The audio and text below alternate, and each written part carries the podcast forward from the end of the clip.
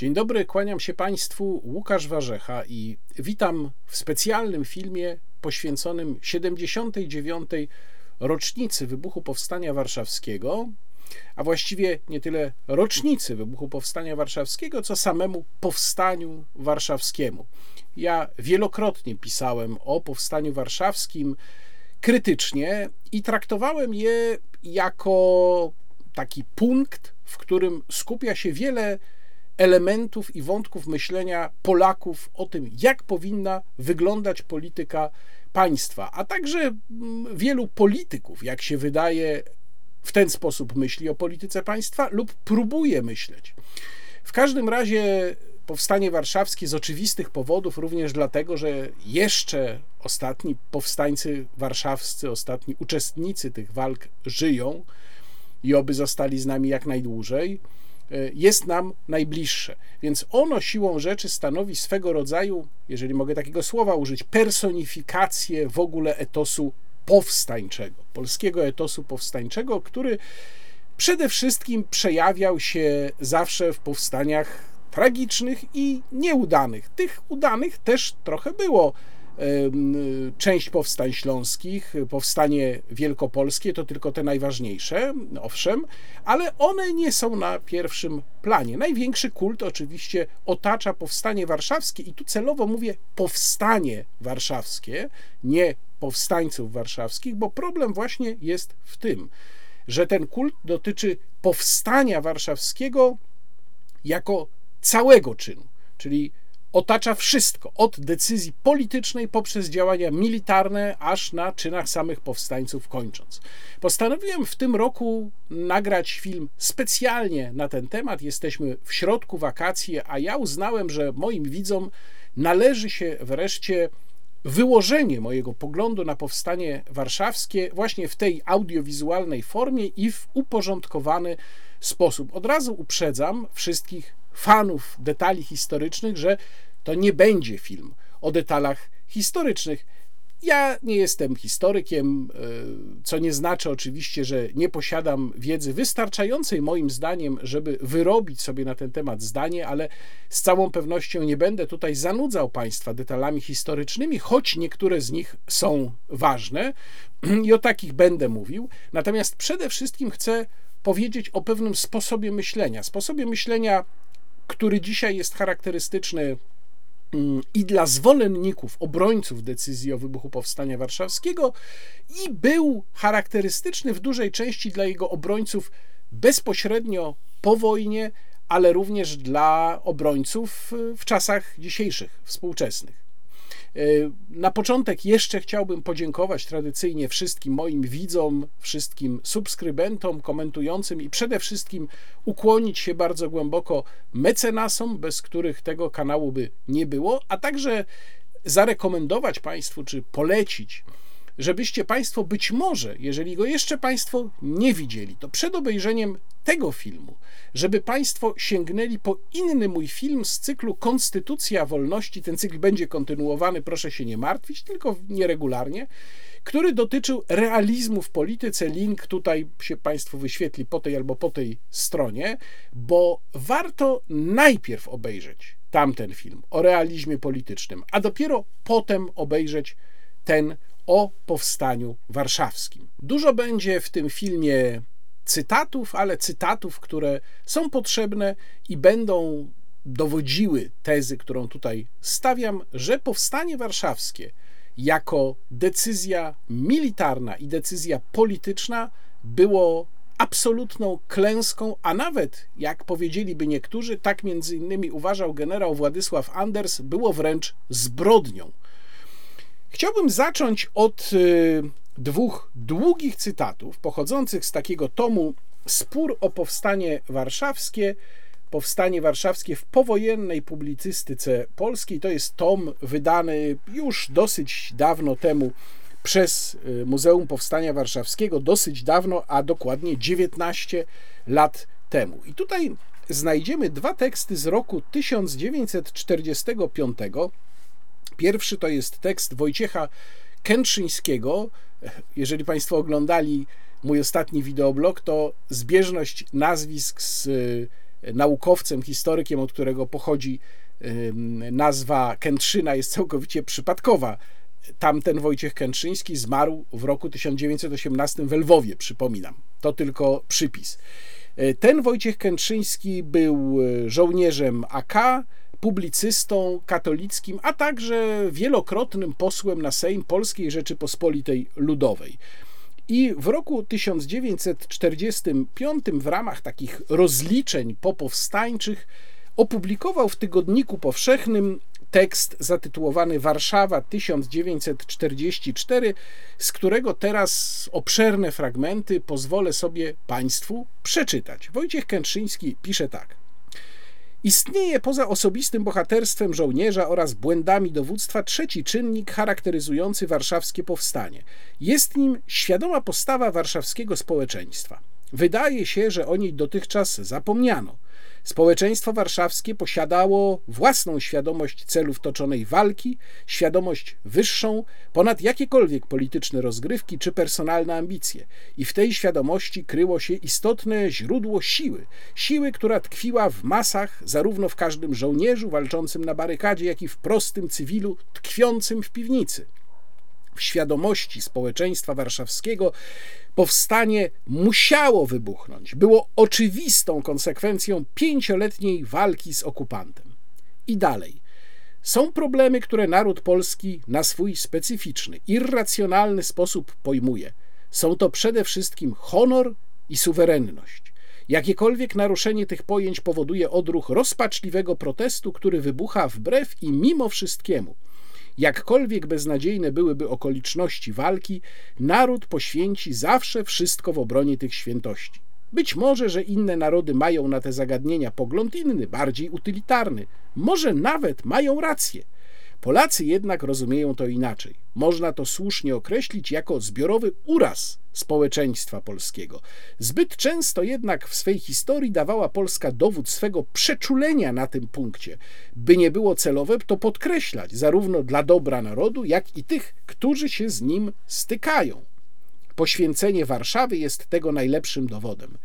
Naród poświęcił stolicę, gdyż sądził, że jest to potrzebne w obronie honoru i suwerenności Polski.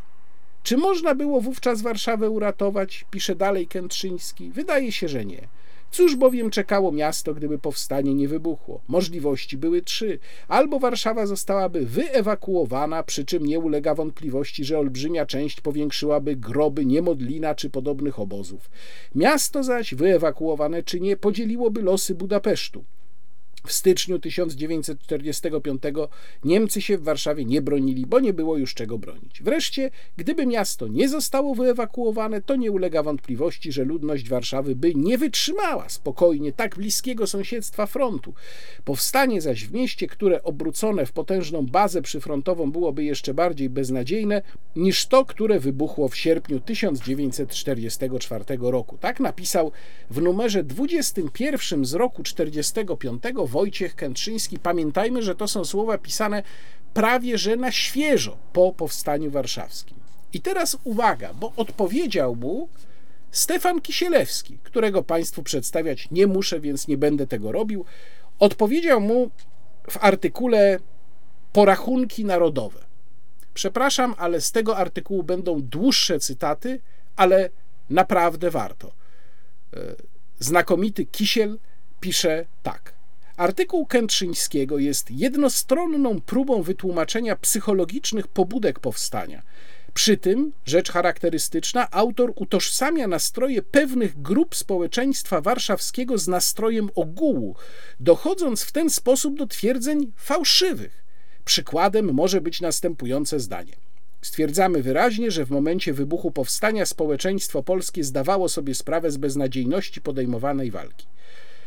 Dla każdego, kto był wtedy w Warszawie, rzeczą oczywistą jest, że było akurat przeciwnie. Wszyscy byli pewni, że walka potrwa krótko i zakończy się sukcesem. Błyskawiczne tempo ofensywy sowieckiej i przykłady innych miast polskich zdawały się być tego gwarancją. Powstanie wydawało się konieczną, ale niezbyt ryzykowną demonstracją. Na naszym terenie Niemcy biją się z Rosjanami, a więc i my nie możemy pozostać bierni, my też musimy wziąć udział w walce, żeby zadokumentować swoje istnienie i swoją, jak się wyraża Kętrzyński, suwerenność. Walka ta Stwierdzić to trzeba kategorycznie, pisze Kisielewski. Przedstawiona została społeczeństwu warszawskiemu jako krótkie i pozbawione ryzyka intermezzo, jako manifestacja naszej woli i naszej niezależności. I teraz uwaga, bardzo ważny fragment.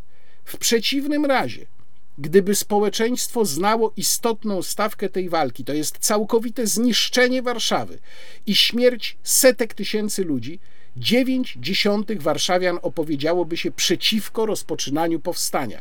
Jedna dziesiąta natomiast opowiedziałaby się mimo wszystko za walką. Tę jedną dziesiątą stanowiła młodzież, bo tragedia powstania warszawskiego to przede wszystkim tragedia warszawskiej młodzieży. I dalej Stefan Kisielewski argumentuje następująco.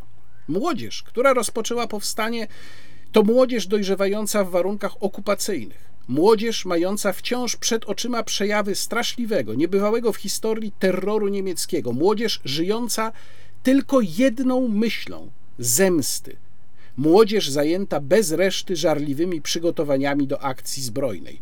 A jednocześnie jest to młodzież, która wzrastając w warunkach wyjątkowych, niespotykanych na przestrzeni naszej historii, nie mogła zdawać sobie dokładnie sprawy, co to właściwie jest Polska, jej historia jej polityka, jej sztuka i zrozumieć w pełni tę banalną prawdę, że o istnieniu narodu decyduje istnienie jego odrębnej i niezależnej kultury, tak duchowej, jak i materialno-cywilizacyjnej.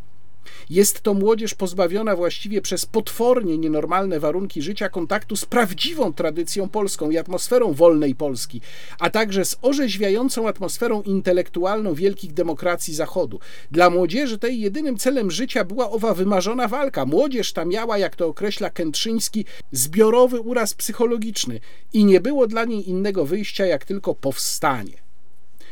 Muszę powiedzieć, że chylę czoło przed niesamowicie przenikliwą analizą Stefana Kisielewskiego, który pokazuje tutaj czynnik, o którym dzisiaj kompletnie się nie mówi, jeżeli już w ogóle porusza się te kwestie psychologicznych uwarunkowań powstania. I dalej Kisielewski pisze tak. W tych warunkach, gdy ktoś oddaje siebie na usługi jednej nieodpartej konieczności psychicznej, siłą rzeczy stosunek jego do wszelkich innych spraw staje się mniej intensywny, obojętniejszy. Młodzież warszawska była, nie zdając sobie z tego sprawy, obojętna w stosunku do kultury polskiej, której pomnikami były warszawskie gmachy, kościoły, biblioteki, wobec zasobów materialnych nagromadzonych w Warszawie, wobec tej sumy wielkiej pracy pokoleń, jakiej wytworem była Warszawa. Młodzież nie zawahała się postawić to wszystko jako stawkę w walce, która miała jej dać za to wyładowanie niewyżytych potrzeb bohaterstwa, ofiary i walki. Walki o co? Kętrzyński definiuje to dwoma słowami: o honor i suwerenność. Cóż to jest honor? pyta w swoim eseju Stefan Kisielewski. Pojęcie nader wieloznaczne, w różnych epokach i różnych krajach interpretowane bardzo rozmaicie, i przy tym rzecz zasadnicza – Zupełnie na czym innym polega honor jednostek, czym innym zaś jest honor państw i narodów. No tutaj zupełnie wprost mogę po raz kolejny odesłać do mojego filmu na temat realizmu politycznego, ponieważ to, co tutaj napisał Stefan Kisielewski w tym konkretnym zdaniu, jest jednym z kluczowych punktów realistycznego widzenia polityki międzynarodowej. Wielkie mocarstwa, pisze dalej Kisiel, jak Anglia czy Francja, wielokrotnie nie wahały się rezygnować ze względów tak zwanego honoru dla prowadzenia realistycznej i trzeźwej polityki. Bo dla narodów rozporządzających prawdziwym realizmem i prawdziwym instynktem racji stanu ważniejszą rzeczą jest istnieć jako naród, niż walczyć o jednostkowy honor. Honor pojmowany u nas w sposób dosyć formalistyczny i skostniały. I to jest prawda, dalej pisze Kisielewski. Powstanie warszawskie, tak jak i inne nasze powstania, nie było aktem dojrzałej męskości. Było aktem zniecierpliwienia, młodzieńczej niepowściągliwości i dlatego przyniosło szkodę podstawowemu aksjomatowi patriotyzmu, jakim jest istnienie narodu ponad wszystko. Instynkt życia nakazujący cierpliwość, ostrożność, powściągliwość, subtelność taktyczną w dążeniu do celu zasadniczego posiadają oprócz państw wielkich i takie narody jak Czesi, Szwedzi, Szwajcarzy. My natomiast mamy przedziwny instynkt życia arebur, który w praktyce staje się instynktem śmierci. Tak bardzo tęsknimy do wielkości, do walki, do zwycięstwa, tak nam spieszno do winobrania, że pomijamy poprzedzające je żmudne psychicznie etapy pracy i w rezultacie osiągamy całkowite fiasko. Spadamy na samo dno, pisze Kisielewski. I dalej powiada tak: Bohaterstwo warszawskiej młodzieży stało się w tragicznym obrocie rzeczy przyczyną zniszczenia naszego jedynego milionowego miasta zniszczenia bezcennego dorobku kulturalnego, który był najdobitniejszą demonstracją naszej niezależności i odrębności, zniszczenia dorobku materialnego pokoleń, który był orężem naszego przetrwania, zniszczenia wreszcie i rozproszenia najbardziej świadomego, aktywnego i zwartego środowiska polskiej inteligencji, które promieniowało polskością na cały kraj. To jest fakt historyczny i nie zmienią go mało dla mnie przekonujące wywody pana Kętrzyńskiego, że Warszawa bez powstania także uległaby zniszczeniu. Możliwe, ale niekoniecznie to, co by było, gdyby nie może stanowić argumentu w poważnych rozważaniach. O tych kwestiach jeszcze będę w dalszym toku mojego filmu mówił. Zwykło się u nas z oburzeniem mówić, w innym ciekawym fragmencie tego tekstu, artykułu pisze Stefan Kisielewski, z oburzeniem mówić o tych, co dorobili się w czasie okupacji. Ja osobiście przyznać się muszę, że dobrobyt Warszawy pod okupacją był dla mnie zawsze zjawiskiem imponującym, które podtrzymywało mnie na duchu jako dowód niezależności psychicznej i woli do życia naszego pokolenia. Pokolenia, co nie zgodziło się dostosować swego stylu egzystencji do ponurych, prymitywnych warunków i norm narzucanych nam przez okupanta.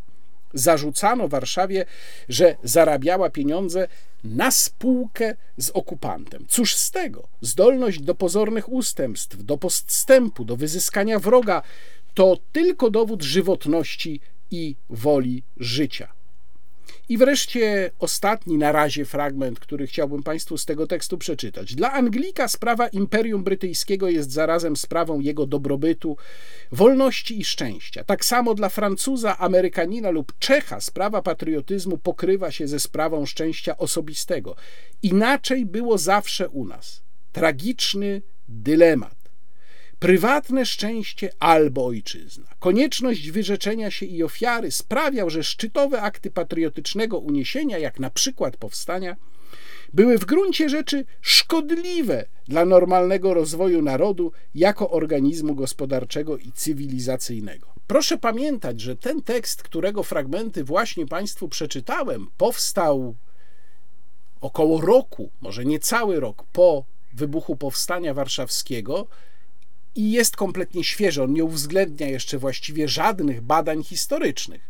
Więc tym bardziej ta przenikliwość krytyki Stefana Kisielewskiego wobec argumentacji Wojciecha Kętrzyńskiego jest godna podziwu.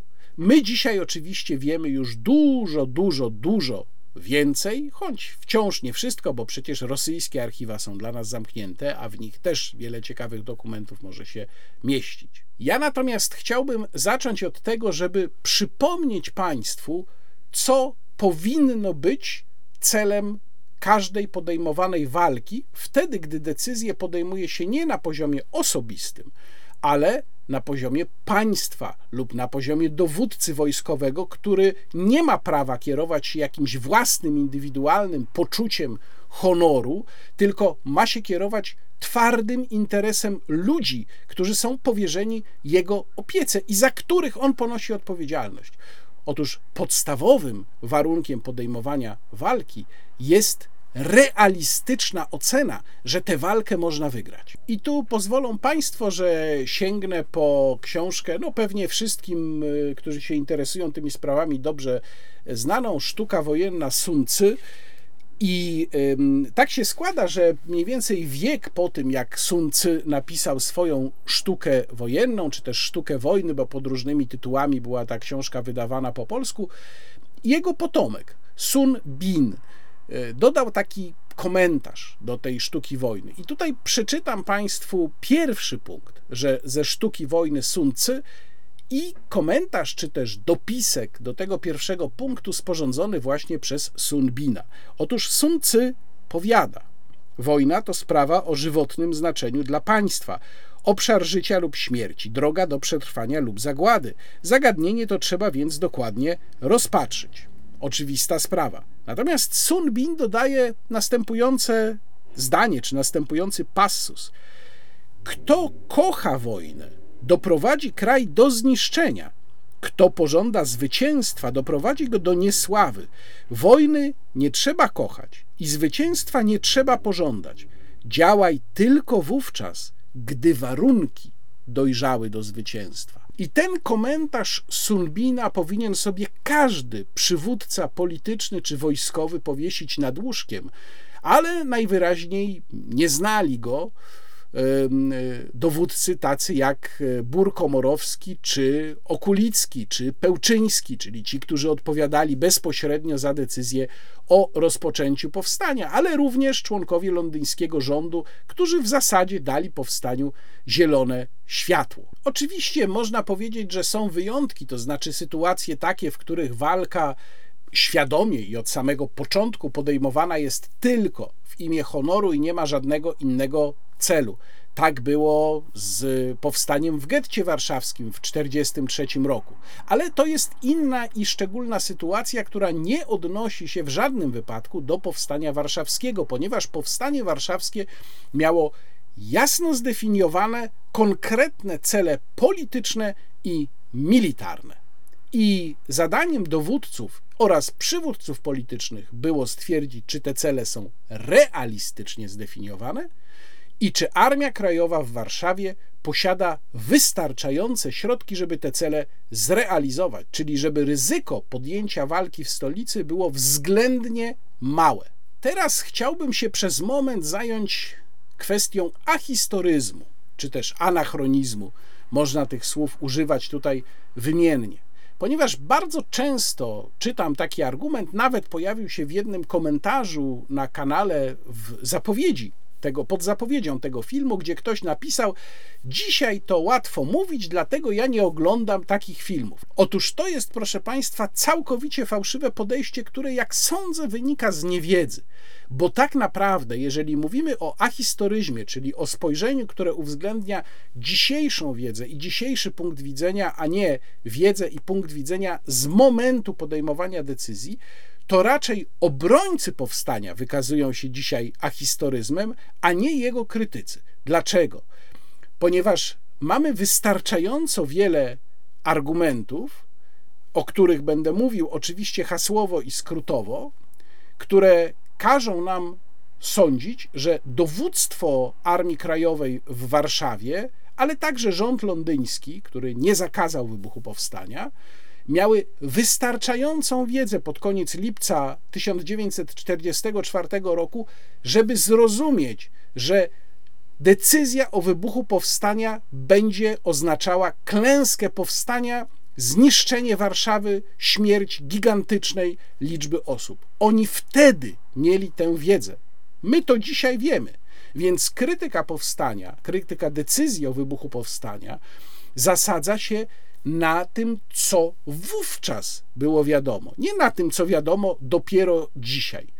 Natomiast w przypadku obrońców powstania jest odwrotnie, bo oni mówią tak: no, może powstanie nie osiągnęło swoich celów, które wtedy były zakładane, ale za to zbudowało taki kościec moralny, kościec etyczny na całe lata, spowodowało, że Polacy się lepiej trzymali, że trwali, że stworzyło mit i tak dalej. Ale wszystko to jest właśnie historycznym spojrzeniem, dlatego że celem powstania w momencie, kiedy decydowano o jego wybuchu i przygotowywano je, jeżeli tu w ogóle można mówić o jakichś przygotowaniach, nie było przecież stworzenie mitu. Tam nie było dyskusji w dowództwie AK pomiędzy Okulickim i Komorowskim na zasadzie, no, miasto padnie, my będziemy musieli się poddać, ale mit, mit pozostanie. Tam była dyskusja o zupełnie innych i konkretnych celach, więc raczej to jest mój apel do obrońców powstania. Nie próbujcie go bronić poprzez ahistoryczne argumenty to, jaki, jakim mitem potem obrosło powstanie, jakie miało znaczenie dla pewnej mitologii narodowej, dla etosu narodowego, czy pozwoliło przetrwać w komunie, czy nie, to są wszystko zupełnie wtórne rzeczy. Zresztą jest, są też argumenty, które każą stwierdzić, przynajmniej ja tak uważam, że właśnie brak powstania oznaczałby mocniejsze trwanie w czasie komunizmu niż to, że powstanie wybuchło. Bo możemy sobie przecież zadać pytanie, czy śmierć 16 tysięcy żołnierzy AK w ogromnej części, o czym pisał już Kisielewski, w ogromnej części inteligencji, studentów, ludzi po studiach, czyli elity, prawdziwej elity narodu. Czy gdyby ci ludzie przetrwali, zamiast ginąć w powstaniu, to byłoby dla Polski pod rządami komunistów lepiej czy gorzej? I oczywiście ja znam też argumenty, które się pojawiają, a które mówią, nie, ale to Sowieci by ich wszystkich wyaresztowali i ich by nie było. To nie jest prawda, dlatego że jak spojrzymy generalnie na losy akowców, na losy żołnierzy podziemia, to tak, oczywiście bardzo wielu z nich zostało przez y, Urząd Bezpieczeństwa albo przez NKWD Mm, zatrzymanych, aresztowanych, zesłanych na Syberię czy na Sybir, może bardziej e, zamkniętych w więzieniach, a niektórzy zostali straceni. To prawda, ale z całą pewnością nie dotyczyłoby to całej grupy 16 tysięcy tych zabitych żołnierzy w powstaniu mm, warszawskim. A jeżeli chodzi o śmierć, czyli o to, co najgorszego mogło akowców, żołnierzy podziemia, spotkać z rąk czy to Sowietów, czy polskich komunistów, to dotyczyłoby to w ogóle niewielkiej części z nich, bo jednak w większości no, zabijano tych najgroźniejszych tylko, zabijano ewentualnie dowódców. Natomiast w swojej masie ci ludzie by pozostali i oni po wojnie oddziaływaliby na polską rzeczywistość. Obojętnie, jaką by tutaj wybrali drogę i gdzie by się znaleźli, oni by byli ich by nie zabrakło. To, co się wydarzyło, było oczywiście likwidacją części polskiej elity przez Niemców niemieckimi rękami. Było to korzystne dla Sowietów. O tym jeszcze później będę mówił więcej. Druga sprawa. Czy gdyby nie uległy zniszczeniu te wszystkie dobra kultury, których zniszczenie było skutkiem powstania warszawskiego, czyli najpierw samych walk, a potem decyzji o kompletnym zniszczeniu Warszawy, będącej konsekwencją powstania warszawskiego, to czy te dobra kultury, czy zabytki architektury, czy kultura materialna nie oddziaływałaby lepiej niż te ruiny na Polskę, czy nie pozwalałaby lepiej zachować naszego tożsamościowego kośćca? No ja uważam, że jednak by pozwalała. Czy zniszczenie samego miasta, będące przecież skutkiem powstania warszawskiego, nie było korzystne dla komunistów. Proszę sobie wyobrazić, jak dzisiaj wyglądałaby Warszawa, mogłaby wyglądać, gdyby nie powstanie warszawskie. Jeżeli ktoś chce mieć porównanie, niech pojedzie do Pragi. Nawiasem mówiąc, w Pradze też było powstanie, tylko że praskie powstanie trwało 4 dni zginęło tam 2800 osób. To była zupełnie inna skala. I teraz, jeżeli ktoś zna Pragę, jeżeli ktoś chodził po uliczkach starego miasta w Pradze pod Hradczanami, to niech sobie to porówna z Warszawą, która w gruncie rzeczy jest sztuczną konstrukcją. Przecież jak sobie to uświadomimy, to ogromna większość tak zwanych warszawskich zabytków to są po prostu repliki postawione po wojnie prawdziwych warszawskich zabytków to pewnie byśmy naliczyli kilka, może kilkanaście tych, które przetrwały. Natomiast cała reszta to są powojenne rekonstrukcje.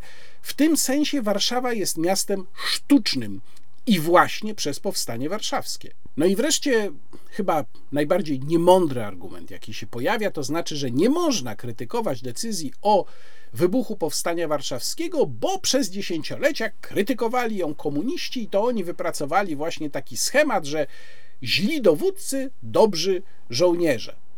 No ale gdybyśmy się tym kierowali, to znaczy, że musielibyśmy każdą naszą opinię konfrontować z tym, jakie było zdanie oficjalnej historiografii w PRL-u. I jeżeli jakieś było, to my musimy mieć zdanie odwrotne. No przecież nie w ten sposób poszukuje się prawdy. Więc chyba nie muszę dłużej na temat tego obłudnego argumentu mówić.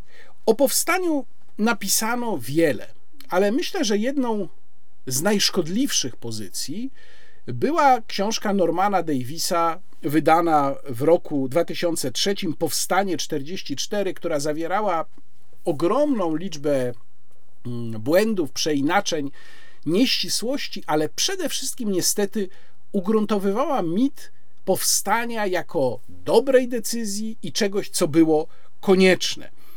I druzgocącą krytykę tej pracy przedstawił e, jeden z najżagorzalszych przeciwników decyzji o rozpoczęciu powstania, emigracyjny historyk e, Jan M. Ciechanowski, który zresztą sam napisał bardzo wiele o powstaniu, w tym, jeżeli się nie mylę, dwie książki, a który w powstaniu brał udział od samego początku do samego końca, a jednocześnie po wojnie, znalazłszy się na emigracji, był jednym z jego, jak powiedziałem, najzaciętszych krytyków, oczywiście jako przedsięwzięcia politycznego i mm, militarnego.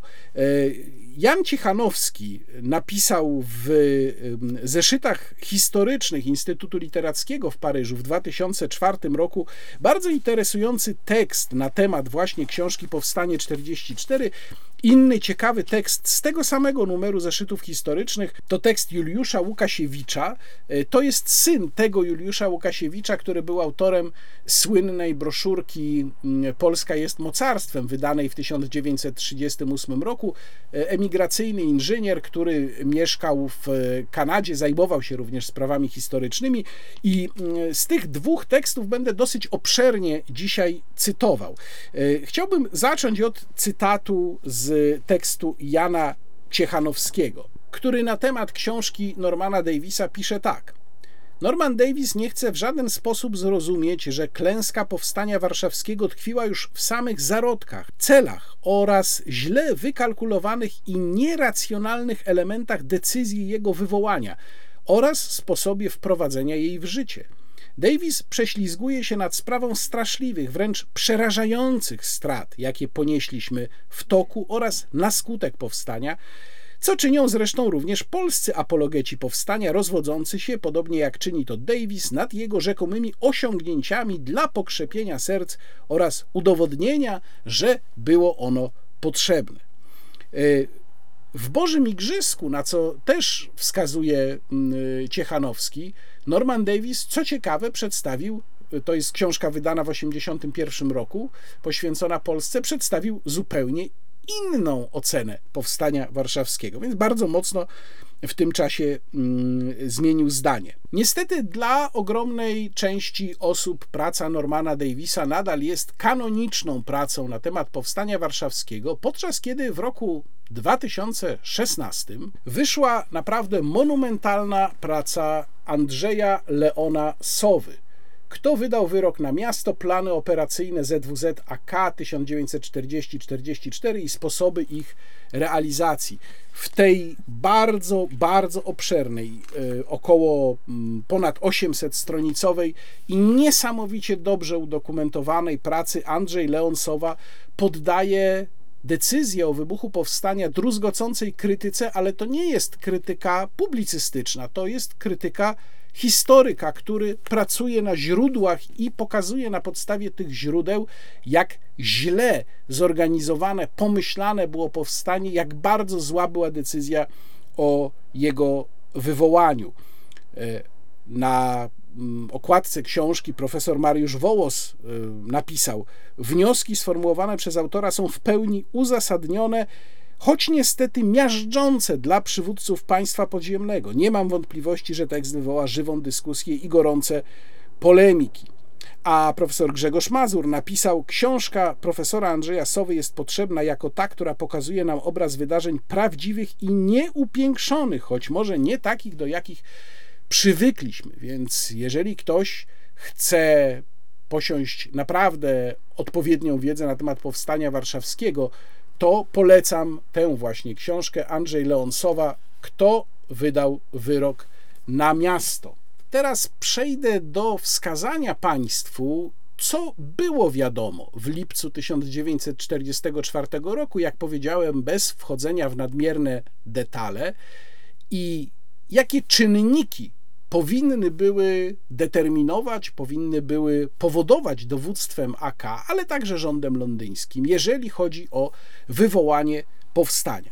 Otóż po pierwsze, dowództwo AK uważało, że um, powstanie w Warszawie, jej wyzwolenie przed wejściem do Warszawy Sowietów jest częścią operacji planu Burza. Tu przypomnę, był to plan, który został uruchomiony na początku 1944 roku i on zakładał, że w miarę postępów frontu, w miarę mm, odbijania, zdobywania polskiego terytorium, tak naprawdę zdobywania przez wojska sowieckie, oddziały AK będą w miarę możliwości Sowietom pomagać, będą samodzielnie występowały przeciwko Niemcom po to, żeby tam, gdzie to jest możliwe, mm, zdobyć teren i w momencie, kiedy będą wkraczać Sowieci, pokazać się jako prawowita polska władza. To miała być taka demonstracja polityczna. Tyle, że w lipcu 1944 roku już było wiadomo, jak fatalnie idzie plan Burza i że tak naprawdę tam, gdzie te polskie władze się ujawniają,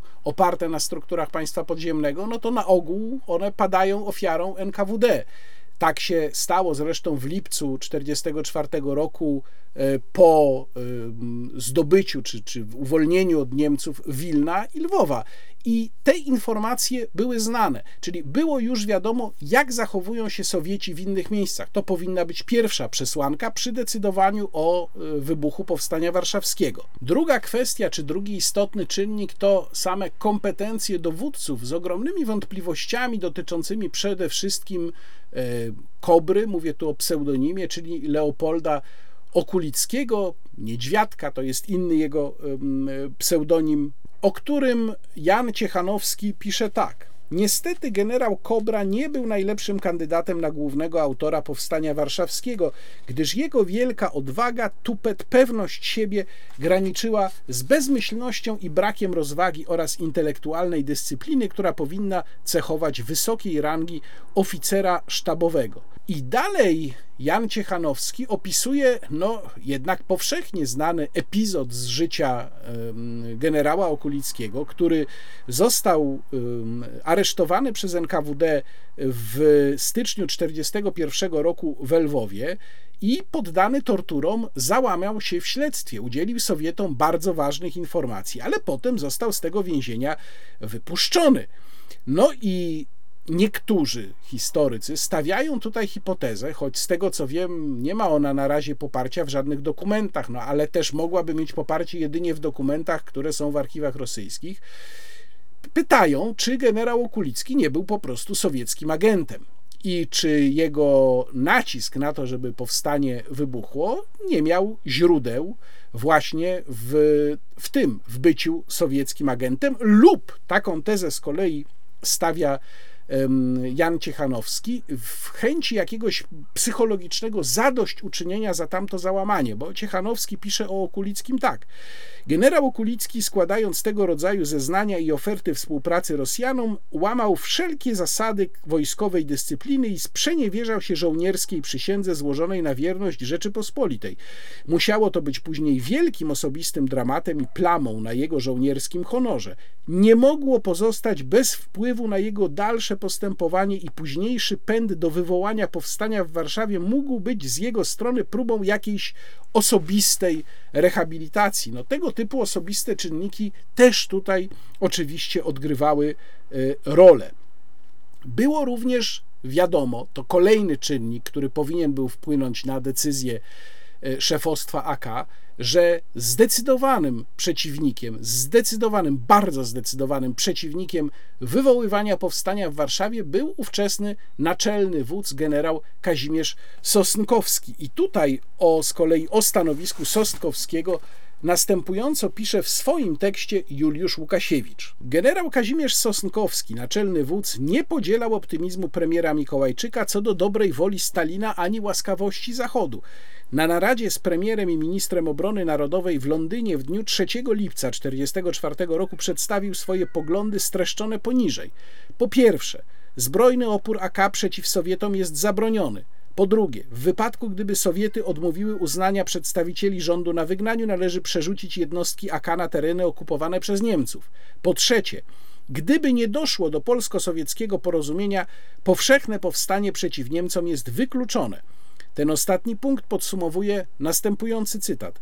Powstanie bez uprzedniego porozumienia z Sowietami zawartego na godziwych warunkach i bez pełnej, szczerej i rzetelnej współpracy z armią sowiecką byłoby odruchem pozbawionym politycznego sensu, a pod względem wojskowym niczym innym jak aktem rozpaczy, tak stwierdzał generał Kazimierz Sosnkowski. I dalej Łukasiewicz przypomina, w czasie pobytu na froncie włoskim Generał, to jego pobyt na froncie włoskim poprzedził dokładnie moment wybuchu powstania warszawskiego, ponieważ generał Sosnkowski uznał, że już i tak nie ma wpływu na wydarzenia i właśnie wyjechał do Włoch. W czasie pobytu na froncie włoskim generał Sosnkowski pozostawał w stałym kontakcie z generałem Stanisławem Kopańskim, swoim szefem sztabu w Londynie, poprzez którego przesyłał instrukcje do generała Bora. Jak się później okazało, depesze z dyrektywami naczelnego wodza były wysyłane ze skrótami, opóźniane lub zatrzymywane. I tak, depesza naczelnego wodza wysłana z Ankony 23 lipca dotarła do Warszawy z trzydniowym opóźnieniem i trzema skrótami. Jedna z tych depesz mówiła: w obliczu szybkich postępów okupacji sowieckiej należy dążyć do zaoszczędzenia substancji biologicznej narodu wobec podwójnej groźby eksterminacji. Proszę zobaczyć, jak mądre słowa, jak mądre było podejście generała Sosnkowskiego do tej sprawy, do tej sytuacji. Depesza z 28 lipca zawierająca zdanie Powstanie zbrojne byłoby aktem pozbawionym politycznego sensu, mogącym spowodować niepotrzebne ofiary, została wstrzymana z powodu jej niezgodności z uchwałami rządu powziętymi bez udziału generała Sosnkowskiego trzy dni wcześniej. 29 lipca generał Sosnkowski wysłał jeszcze jeden telegram do generała Bora, w którym raz jeszcze potwierdzał swoje twarde stanowisko przeciwne powstaniu. Tak pisze Juliusz Łukasiewicz w swoim tekście. Jednocześnie 29 lipca na naradzie dowództwa AK w Warszawie pojawił się e, Jan Nowak-Jeziorański, czyli e, kurier z Warszawy, czyli człowiek, który przewoził e, informacje pomiędzy rządem londyńskim a delegatami w kraju i dowództwem AK. I na tej naradzie Jeziorański bardzo wyraźnie powiedział, zupełnie jednoznacznie powiedział, że jasne jest, że po pierwsze Sowieci nie pomogą powstaniu, po drugie, że alianci nie podejmą w tej sprawie żadnych kroków, czyli że powstanie będzie aktem całkowicie osamotnionym politycznie, co przecież podważało jeden z jego podstawowych celów, czy możliwość jego realizacji. Kolejna sprawa z tym ściśle powiązana. Było już zupełnie jasne, że Sowieci powstaniu nie pomogą. Raz to była kwestia tego, co się działo w trakcie realizacji planu Burza, o tym już mówiłem. Po drugie, sama analiza sytuacji politycznej na to wskazywała. To Sowieci wiązali największą część niemieckich wojsk. To Stalin trzymał w garści Roosevelta i Churchilla, a nie odwrotnie. Było już po konferencji w Teheranie. Przypomnę, grudzień 1943 roku. Oczywiście jej ustalenia, te dokładne, tajne ustalenia nie były znane, ale echa tej konferencji już się pojawiały. Już w sowieckich gazetach, między innymi w Izwiestiach, ukazał się tekst, w którym zupełnie jasno było powiedziane, że e, kwestia polskiej granicy jest e, absolutnie nieprzesądzona w sensie niemożliwości powrotu do granicy przedwojennej. Były już sygnały i były przesłanki, żeby jasno stwierdzić, że nie ma żadnego powodu, dla którego Sowieci mieliby powstaniu pomóc. Jest wręcz przeciwnie, oraz że alianci postanowili oddać Polskę w pacht Stalinowi. I tutaj kilka cytatów na potwierdzenie tej tezy. Najpierw z wcześniej już cytowanego tekstu Jana Ciechanowskiego. Po Stalingradzie, Kursku i letnich zwycięstwach Armii Czerwonej na Białorusi, które pod koniec lipca 1944 doprowadziły ją do samych bram Warszawy i po dyplomatycznych ustaleniach w Teheranie Stalin nie zamierzał już iść na żadne kompromisy w polskich sprawach, gdyż był święcie przekonany, że dalsze losy Polski, jak i charakter jej rządów oraz kształt jej powojennych granic spoczywał już przede wszystkim w jego rękach, za pozwoleniem Waszyngtonu i Londynu, czego powstanie warszawskie nie mogło już w żaden sposób odmienić zmienić. I dwa miejsca z artykułu Juliusza Łukasiewicza. Jest oczywiste, że tylko pełna współpraca wojsk sowieckich mogła zapewnić militarny sukces powstaniu warszawskiemu i że bez niej Niemcy mogli zdławić powstanie przy użyciu niewielkiej siły zbrojnej. Zrzuty lotnicze, o które polski rząd i powstańcy zabiegali, mogły tylko przedłużyć agonię walki. Natomiast polityczny cel powstania mógł być osiągnięty jedynie w wypadku, gdyby Związek Sowiecki uznał prawo Polski do niepodległego bytu, co było oczywiście kompletnie w tamtych okolicznościach politycznych niemożliwe. I jeszcze jeden cytat z artykułu Juliusza Łukasiewicza. Doprowadzenie do powstania warszawskiego, a potem nieudzielenie żadnej pomocy powstańcom były oczywiście zgodne z interesem Sowietów prowadziły bez ich udziału i ofiar do wyniszczenia najbardziej patriotycznego elementu społeczeństwa polskiego, do strat wśród armii niemieckiej i zburzenia Warszawy, stolicy niepodległej Polski. Czyż można przypuszczać, że negocjacje mogłyby skłonić Stalina do rezygnacji z tak korzystnych dla Sowietów perspektyw? Tu wyjaśniam, że ten y, cytat i to wspomnienie o negocjacjach bierze się stąd, że taką tezę stawia Norman Davis, to znaczy, że upadek powstania wynikał tylko z jakiejś niechęci czy braku woli aliantów do tego, żeby z Sowietami negocjować. Tutaj Juliusz Łukasiewicz słusznie pokazuje, że nie było żadnej możliwości takich negocjacji, ale nie, nie było żadnej możliwości, y, żeby Sowieci zgodzili się na pomaganie powstaniu warszawskiemu, bo po prostu kompletnie nie leżało to w ich interesie i w lipcu 1944 roku było to już całkowicie jasne.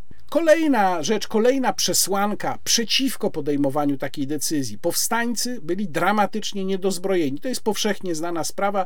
75% z nich nie posiadało żadnej broni szturmowej, czyli czy to pistoletów maszynowych, już o karabinach nie mówię, czy to granatów. Wiadomo było również, jak dobrze zorganizowani i silni są Niemcy. Teraz kolejny argument, którym muszę się tutaj zająć, to jest teza, że powstanie musiało wybuchnąć. Ona już w tym tekście Wojciecha Kętrzyńskiego z 1945 roku, który wcześniej cytowałem, się pojawiła. I często też dzisiaj to słyszymy. Obrońcy decyzji o wybuchu powstania mówią, ale powstanie przecież tak czy owak by wybuchło, bo już atmosfera była taka, bo napięcie było takie. A często jeszcze przytaczany jest fakt, że za powstaniem rzeczywiście tak było. Pod koniec lipca 1944 roku agitowali komuniści poprzez swoje radiostacje, wzywali lud Warszawy do podjęcia walki. No więc obrońcy powstania mówią, trzeba było powstanie rozpocząć, bo ono i tak by wybuchło. No więc po pierwsze, sam fakt, że do rozpoczęcia walk wzywały komunistyczne rozgłośnie, powinien natychmiast dać do zrozumienia dowódcom AK w Warszawie, że absolutnie walki nie, powinny, nie powinni podejmować. Bo jeśli wzywały do tego komunistyczne rozgłośnie, no to przecież było jasne, że one agitują za decyzją, czy próbują podburzyć ludzi do podjęcia działań, które będą korzystne dla Sowietów i dla komunistów, a nie dla niepodległej Polski. Broń była w depozytach. Więc w jaki niby sposób żołnierze mieliby sami bez rozkazu podjąć walkę? Po trzecie, taka teza, że powstanie i tak by się rozpoczęło, jest zwyczajnie obraźliwa dla żołnierzy AK. To nie była jakaś bandycka, przypadkowa zbieranina. To byli żołnierze armii podziemnej, owszem, ale żołnierze, którzy mieli swoją strukturę dowodzenia, którzy mieli swoje stopnie, którzy również ponosili odpowiedzialność za niewykonanie rozkazu, składali przysięgę wojskową. Więc to nie było tak, że ktoś tam by się zbuntował, wziąłby pistolet, nie wiadomo zresztą skąd, czy granat i sam rozpoczął powstanie bez rozkazu. Nie, to była struktura działająca na rozkaz. Zresztą przypominam, że alarm został zarządzony kilka dni wcześniej, po tym, kiedy Niemcy mm, wezwali 200 tysięcy osób z Warszawy do tego, żeby się stawiły przy budowie umocnień stawiło się kilkadziesiąt osób, konsekwencji dla warszawian nie było żadnych. I wtedy alarm został odwołany. Dokładnie było to 27 lipca, kiedy został ogłoszony. 28 lipca został odwołany. Wszyscy żołnierze opuścili swoje stanowiska bojowe i ponownie zdali broń do depozytu. To pokazuje, że gdyby nie było rozkazu rozpoczęcia powstania, to powstanie by nie wybuchło. Teraz trochę o skutkach powstania, które były oczywiście dramatyczne i tragiczne. Przede wszystkim pamiętajmy o 200 tysiącach cywilnych ofiar. Bo na ogół, kiedy widzimy powstanie warszawskie, i taki niestety obraz też trochę prezentuje Muzeum Powstania Warszawskiego, to widzimy tych zadowolonych, szczęśliwych, uśmiechniętych żołnierzy. Ale to są żołnierze pokazani w swoich najlepszych momentach, natomiast była za tym wszystkim tragedia i hekatomba ludności cywilnej. Przecież jeżeli myślimy o rzezi woli, czyli o no, trudnej naprawdę do określenia, do opisania zbrodni niemieckiej na Polakach, to była to zbrodnia przede wszystkim, właściwie prawie wyłącznie na ludności cywilnej. I nie jest też prawdą, jak niektórzy próbują nam wmawiać, że ludność cywilna od początku do końca była rozentuzjazmowana i pomagała powstańcom. Nie. Ten entuzjazm, który rzeczywiście się pojawiał w pierwszych kilku dniach, potem się zaczął zamieniać w obojętność, a potem się zaczął zamieniać we wrogość. I takie relacje też można znaleźć. To znaczy, w momencie, kiedy cywilna ludność Warszawy uświadomiła sobie, że ma do czynienia po prostu z klęską, że miasto zostaje równane z ziemią, że cały ich dorobek zostaje puszczony z dymem z powodu tej walki, zaczęła, były takie przypadki, okazywać żołnierzom otwartą wrogość. W konsekwencji, przypomnę, zniszczone zostało około 50% zabudowań lewobrzeżnej Warszawy. To są szkody, których do dzisiaj nie udało się naprawić. One po prostu już nie mogą zostać naprawione, bo jeżeli jakiś historyczny budynek został zniszczony, to po prostu już go nie ma. To coś, co stało kilkaset lat, zostało zrównane z ziemią. Koniec, nie ma tego. Oczywiście mówimy o dwóch procesach, czyli po pierwsze o tym, co zostało zniszczone w czasie walk samego powstania, no to była mniejsza część z tych 50%, i potem około 30% to było to, co zostało zniszczone w czasie e, burzenia Warszawy, planowego burzenia Warszawy przez Niemców. Miasto, którym była Warszawa, straciło swojego ducha. Można by powiedzieć górnolotnie, że straciło swoją duszę opartą na pewnym dziedzictwie materialnym, historycznym i nigdy już tej duszy nie odzyskało, co oczywiście bardzo ułatwiło objęcie władzy komunistom. Można powiedzieć, wiem, że to jest daleko posunięta teza, że w gruncie rzeczy całe powstanie warszawskie było jak skrojone na potrzeby Sowietów i komunistów i ich planów wobec Polski. A zatem dochodzimy do finału, czyli do pytania, jak oceniać decyzję o rozpoczęciu powstania warszawskiego. Żaden z jego celów, cel militarny, opanowanie Warszawy, e, cel polityczny, wystąpienie jako gospodarze wobec wkraczających Sowietów i dzięki temu podkreślenie swojej podmiotowości politycznej, żaden z tych celów nie został osiągnięty. O tym, że one nie mogą zostać osiągnięte, i rząd w Londynie, i dowództwo AK powinno było doskonale wiedzieć, a właściwie można powiedzieć, że wiedziało, tylko postanowiło po prostu zamknąć oczy na te przesłanki, które mówiły, że te cele są nie do spełnienia. Czy były dobre ruchy w tamtym czasie? Pewnie nie. To była taka sytuacja, w której każda decyzja niosła ze sobą złe skutki, ale niestety podjęto decyzję, która moim zdaniem i nie tylko moim niosła ze sobą najgorsze skutki z możliwych, czyli z całego, z całej puli wariantów wybrano ten najgorszy.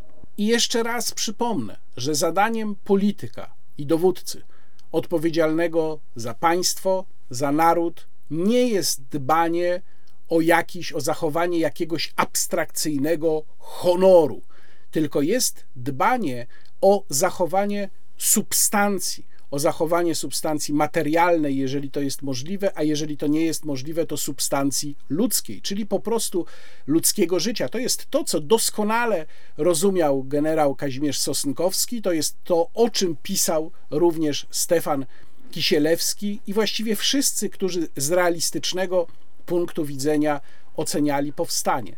Oczywiście oddzielmy decyzję polityczną, militarną, zachowanie dowódców od bohaterstwa powstańców. To powinny być po prostu dwie różne sprawy, bo tego drugiego nikt nie neguje. Natomiast trzeba to powiedzieć wprost. Zresztą są powstańcy, byli powstańcy, bo wielu z nich już po prostu nie żyje, większość zdecydowana z nich nie żyje, którzy byli powstańcami, ale byli też niezmiernie krytyczni wobec decyzji o rozpoczęciu powstania. No, cytowany przeze mnie tutaj mm, Jan Ciechanowski jest takim przykładem chociażby, ale trzeba to powiedzieć wprost, niezależnie od tego, że może to być dla niektórych z żyjących powstańców, albo raczej już dla ich potomków przykre, ta decyzja była po prostu decyzją absolutnie fatalną. Ale to prowadzi mnie jeszcze do pytania o mit powstania, bo oczywiście taki mit powstania jest i ten mit został najbardziej podbudowany poprzez stworzenie Muzeum Powstania Warszawskiego, pierwszego nowoczesnego, naprawdę nowoczesnego polskiego muzeum.